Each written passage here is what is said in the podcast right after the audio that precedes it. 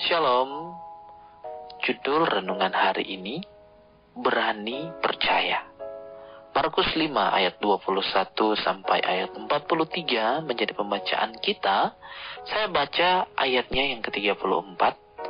Maka katanya kepada perempuan itu, "Hai anakku, imanmu telah menyelamatkan engkau. Pergilah dengan selamat dan sembuhlah dari penyakitmu." Penyakit pendarahan di masa Alkitab bukanlah penyakit yang remeh, saudara. Aturan Taurat mengatakan bahwa perempuan yang sedang datang bulan akan dianggap najis selama tujuh hari di Imamat pasal 15. Nah, perempuan dalam pembacaan kita ini pendarahannya bukan hanya tujuh hari, tapi terus mengalami pendarahan selama 12 tahun. Bayangkan, kita dianggap najis selama 12 tahun. Apa yang perempuan ini sentuh akan dianggap najis pula. Artinya, perempuan ini tidak bisa untuk memasak bagi keluarganya. Tidak bisa membeli atau menjual. Karena kan uang dan barang yang ia beri pasti akan dianggap najis perempuan ini juga tidak bisa menyentuh keluarganya sendiri. Jadi secara sosial, perempuan ini dikucilkan. Dan Alkitab juga menambahkan, jika segala pengobatan yang pernah dicoba perempuan ini justru membuatnya semakin menderita. Namun, satu kali perempuan ini mendengar ada guru yang banyak menyembuhkan itu datang. Dan perempuan ini pun berani untuk mendekat atau tepatnya menyelinap. Perempuan ini beresiko sebab perempuan ini akan berdesakan dengan banyak orang.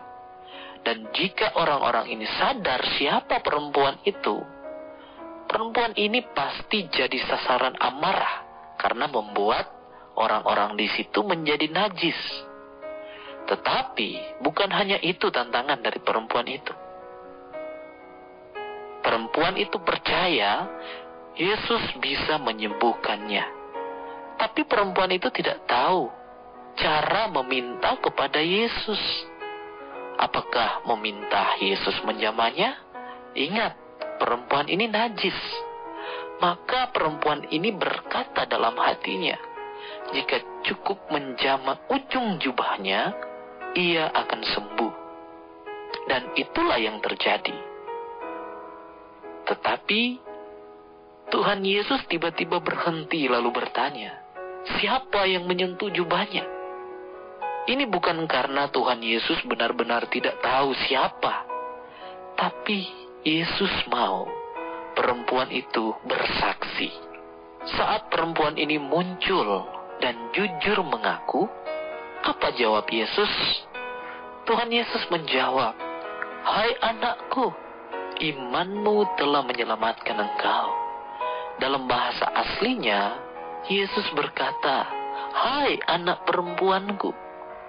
Perempuan yang mungkin selama 12 tahun dijauhi, bahkan oleh keluarganya sendiri, kini tidak hanya disembuhkan, tapi juga disebut Yesus sebagai anaknya. Semua dimulai dari keberanian untuk percaya pada Yesus. Namun, untuk percaya pun ada kalanya kita takut. Kita takut bagaimana jika yang terjadi tidak sesuai harapan?